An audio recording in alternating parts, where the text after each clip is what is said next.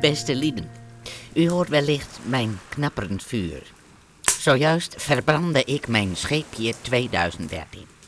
U kent het, hè? De schepen achter je verbranden en verder naar een nieuw hoofdstuk in uw leven. Nou, dat doe ik nou ook.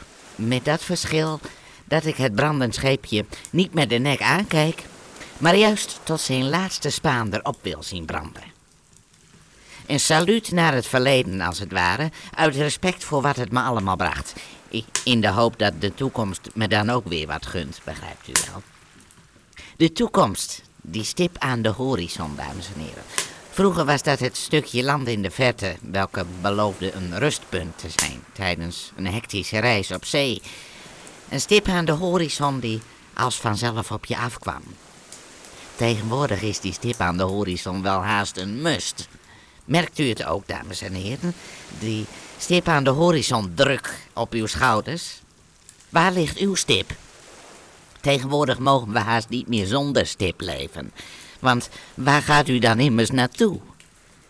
Onder die druk wordt die stip nogal eens op de verkeerde plek gezet, waardoor menigeen een koers inzet die niet per se de juiste is. Laat mijn boodschap dan ook zijn voor het nieuwe jaar, dames en heren.